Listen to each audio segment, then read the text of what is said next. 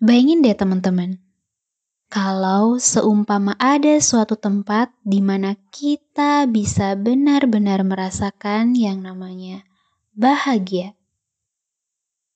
Semurni-murninya bahagia, gak pakai tiba kepikiran bakal gimana nasib ke depannya. Gak perlu mikirin omongan orang, gak perlu memenuhi ekspektasi orang, gak perlu overthinking lagi.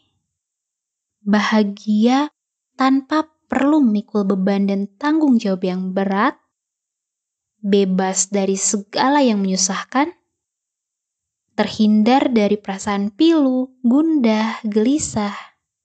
Semurni-murninya bahagia sampai apa pun yang kita mau bisa langsung ada di hadapan kita saat itu juga. Pasti rasanya bakal tentram banget gak sih? Kayaknya tempat kayak gitulah yang bakal jadi senyaman-nyamannya tempat beristirahat.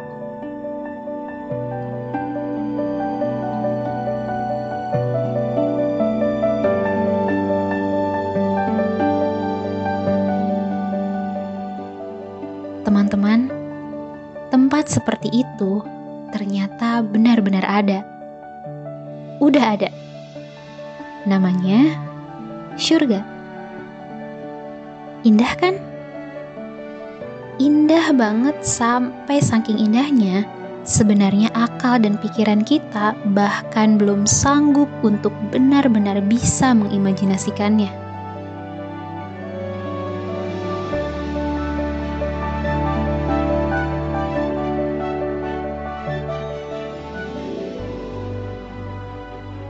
Halo teman-teman, di mana pun kalian berada, semoga sehat selalu ya.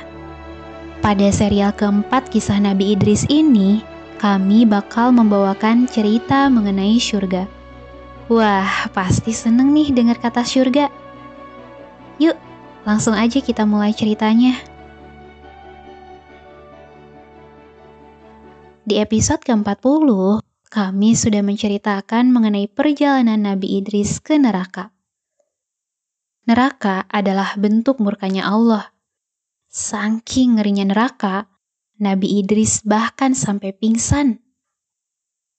Nah, setelah melihat neraka, selanjutnya Nabi Idris berkeliling mengunjungi surga. Di surga, Nabi Idris disambut oleh malaikat Ridwan, malaikat penjaga surga. Wajah malaikat Ridwan tentram menyenangkan Hawa ketenangan dan ketentraman surga bahkan sudah terasa walau pintunya belum dibuka. Nabi Idris ini betah banget waktu di surga. Beliau melihat sungai-sungai yang mengalirkan bermacam-macam tipe air. Beliau melihat permadani-permadani indah, piring-piring dari emas, bermacam tumbuhan dan bunga yang jauh lebih segar dan indah Surga ini, subhanallah, indah banget. Begitu indahnya nih, sampai Rasulullah pernah bilang begini. Allah telah menyediakan untuk hamba-hambanya yang soleh suatu balasan surga yang belum pernah terlihat oleh mata, belum pernah terdengar oleh telinga, dan belum pernah terlintas di dalam hati.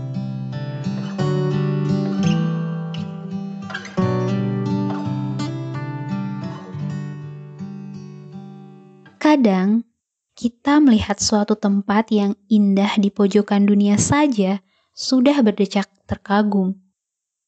Apalagi surga ini yang keindahannya bahkan sampai susah untuk dibayangkan.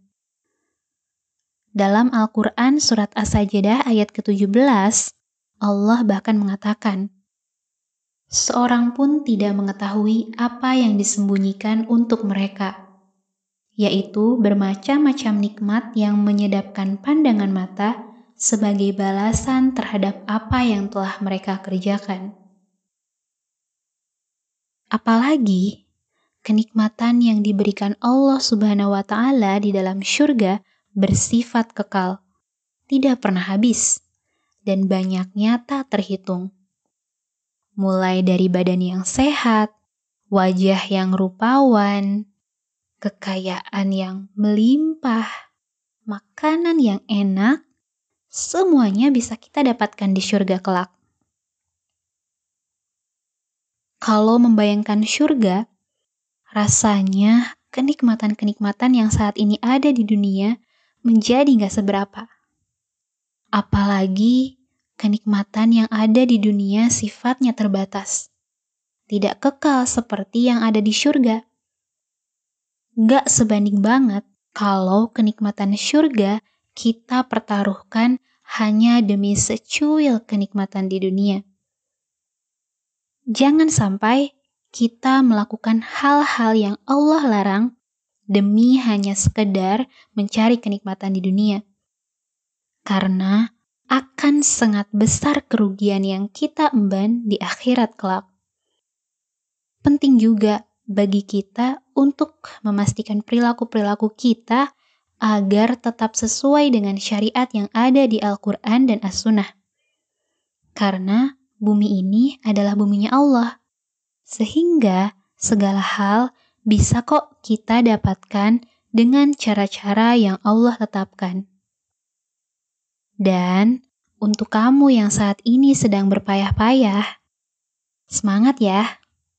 Allah gak ngejanjiin hidup mudah di dunia bagi seorang muslim. Bahkan Allah secara jelas bilang kalau dunia itu tempatnya cobaan. Tapi Allah udah janji dan nyiapin tempat istirahat terbaik bagi hamba-hambanya yang bertakwa sewaktu di dunia. Apalagi hidup ini adalah perjalanan dari satu lelah ke lelah berikutnya. Gak peduli kita ada di jalan perjuangan untuk membela agama Allah atau jalan hura-hura yang mendustakan perintah Allah.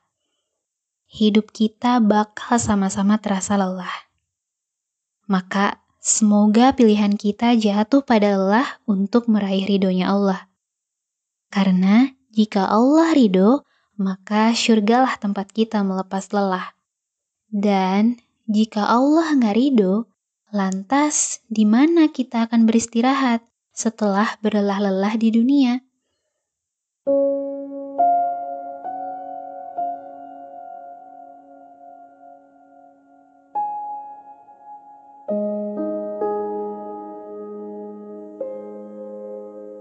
Dalam Quran surat Al-Hijr ayat 45 sampai 48 Allah mengatakan Sesungguhnya orang yang bertakwa itu berada dalam surga-surga dan di dekat mata air yang mengalir. Allah berfirman, Masuklah ke dalamnya dengan sejahtera dan aman, dan kami lenyapkan segala dendam yang ada di dalam hati mereka mereka merasa bersaudara, duduk berhadap-hadapan di atas dipan-dipan.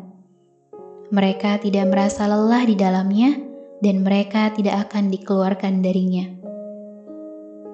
Kelak, kita waktu di surga udah gak bakal ngerasain yang namanya lelah lagi.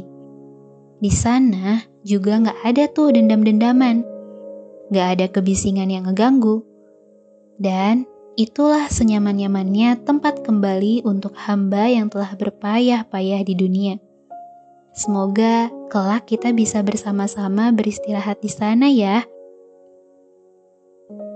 Teman-teman, gak ada penduduk surga yang di dalam hatinya ada penyakit. Jadinya di surga gak ada kesombongan, gak ada dendam, dusta, omong kosong, dan gak ada dengki.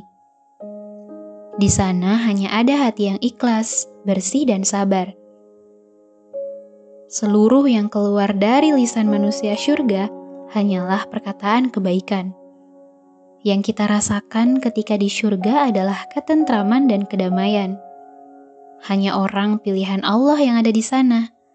Tetangga kita semuanya menyenangkan. Gak ada yang nyebelin dan gak ada yang saling menyakiti. Kan tentram banget suasana kehidupan di surga nanti. Di samping itu, penduduk surga juga tidak mengenal adanya usia tua dan muda. Umur para penghuninya sebaya dan tidak pernah bertambah tua. Di surga juga nggak ada tuh penyakit. Penghuninya sehat-sehat semua. Oh ya teman-teman, kelak para penghuni surga ini juga bisa memberikan syafaat pada keluarga dan kerabatnya loh. Kelak ketika ada di surga, seseorang akan menanyakan tentang keluarga dan kerabat mereka. Rasulullah Shallallahu Alaihi Wasallam bersabda, "Setelah orang-orang mukmin itu dibebaskan dari neraka, demi Allah, Zat yang jiwaku berada di tangannya, sungguh kalian begitu gigih dalam memohon kepada Allah untuk memperjuangkan hak untuk saudara-saudaranya yang berada di dalam neraka pada hari kiamat. Mereka memohon, "Wahai Tuhan kami, mereka itu yang tinggal di neraka pernah berpuasa bersama kami, sholat, dan juga haji. Teman-teman, tentu saja seseorang akan memberikan pertolongan hanya pada orang yang dikenalnya. Gak mungkin dong seseorang ingat orang yang gak ada sangkut pautnya sama dia sewaktu hidup. Nah, ini juga nih pentingnya kita memiliki orang-orang yang juga beriman dan bertakwa. Gak hanya supaya jadi pengingat kebaikan untuk kita, tapi semoga bisa ingat sama kita kalau-kalau, na'udzubillah nih, kita kelak terperangkap di neraka. Sehingga, penting untuk kita memiliki orang-orang yang gak hanya baik, tapi juga bertakwa. Yuk kita cek orang-orang yang ada di sekeliling kita. Kira-kira ada nggak ya yang bisa ngajak kita ke surga kelak. Kalau udah beberapa, alhamdulillah. Kalau belum ada, nggak apa-apa. Kita masih diberi waktu untuk mencarinya kok. Dan sebaliknya, bisa nggak ya kita kelak mengajak orang-orang yang kita cintai ke surga bareng-bareng? Kira-kira mampu nggak ya kita jadi syafaat untuk orang-orang yang kita sayang? Sudah belum ya hubungan kita dilandasi oleh kasih sayang dan keridoan Allah? Nah, semoga semangat belajar kita terus membara ya. Semoga kita bisa menjadi pribadi-pribadi yang diridhoi Allah. Semoga kelak kita diizinkan untuk membawa kerabat-kerabat kita untuk sama-sama masuk ke surga.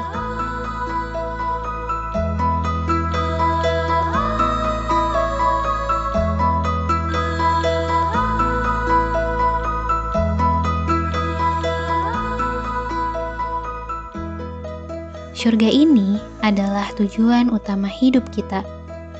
Kita hidup di dunia mengharap ridhonya Allah, dan Allah akan memberikan surga pada hamba yang diridhoinya. Jika bukan di surga, maka tempat kembali kita satu-satunya adalah di neraka. Gak mau kan kalau kita ditempatin di neraka?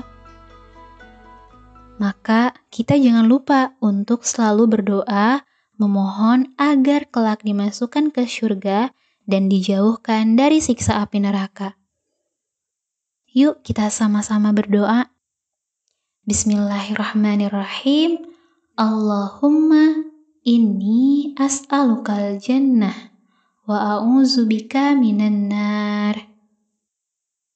Ya Allah, aku memohon kepadamu surga, dan aku berlindung kepadamu dari neraka. Amin. Oke teman-teman, perjumpaan kita di serial keempat kisah Nabi Idris cukup sampai di sini ya. Saya Irin, pamit undur diri. Wassalamualaikum warahmatullahi wabarakatuh.